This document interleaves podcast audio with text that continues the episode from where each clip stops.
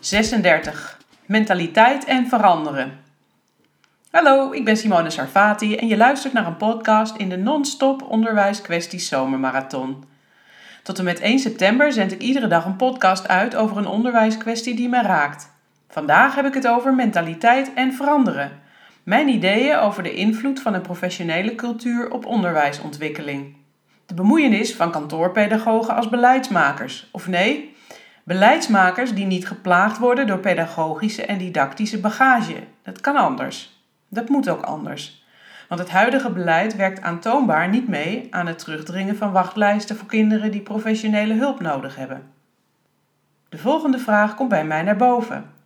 Op welke manier wordt voor gemeentebeleid advies van experts ingewonnen en gebruikt? Ik vind het altijd zo jammer als aan het einde van de rit de opmerking: zie je wel, ik had het al voorspeld gemaakt moet worden.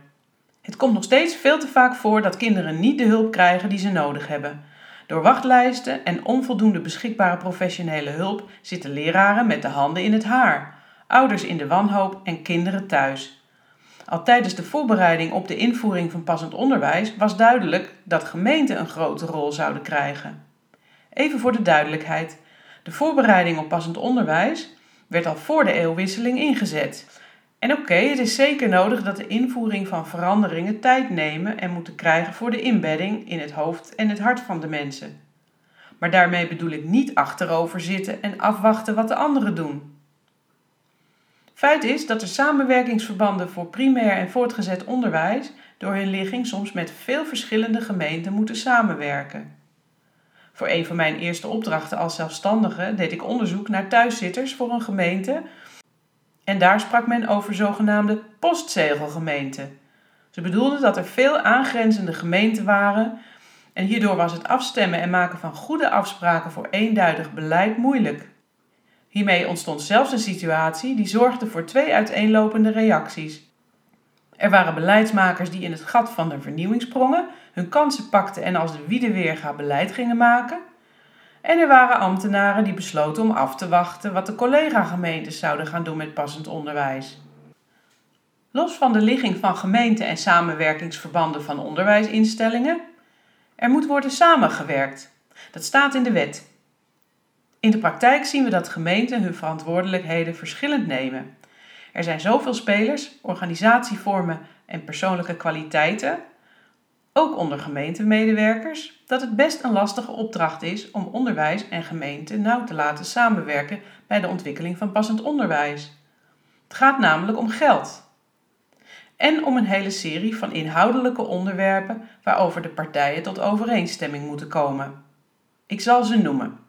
Het gaat om onderwijsachterstandenbeleid, voor- en vroegschoolse educatie, leerplicht, het voorkomen van voortijdig schoolverlaten, het stimuleren van de aansluiting van onderwijs en de arbeidsmarkt, leerlingenvervoer, huisvesting en de verantwoordelijkheid voor de aanwezigheid van voldoende openbaar onderwijs.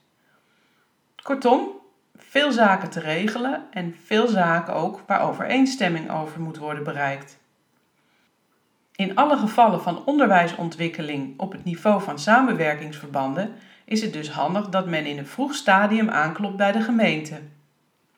In het ondersteuningsplan van de samenwerkingsverbanden is te lezen hoe de samenwerking met de gemeente is geregeld. Met andere woorden, wie doet wat? Als ik mijn betoog opnieuw beluister, zou ik bijna denken dat er overal coördinatoren of controllers moeten worden aangesteld voor de ontwikkeling van passend onderwijs maar dat kan de bedoeling toch niet zijn? Dat hoeft ook niet in een professionele cultuur. Nee, werkelijk veranderen en samenwerken begint op een andere plek, bij de individuele mentaliteit.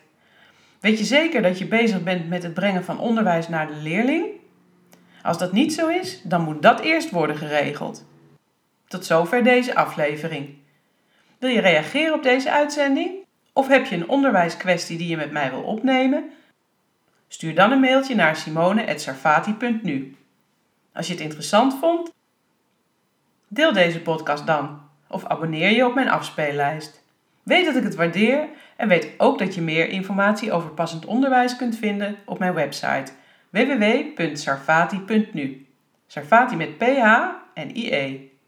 Bedankt voor het luisteren, een zomerse groet en tot passend weerziens.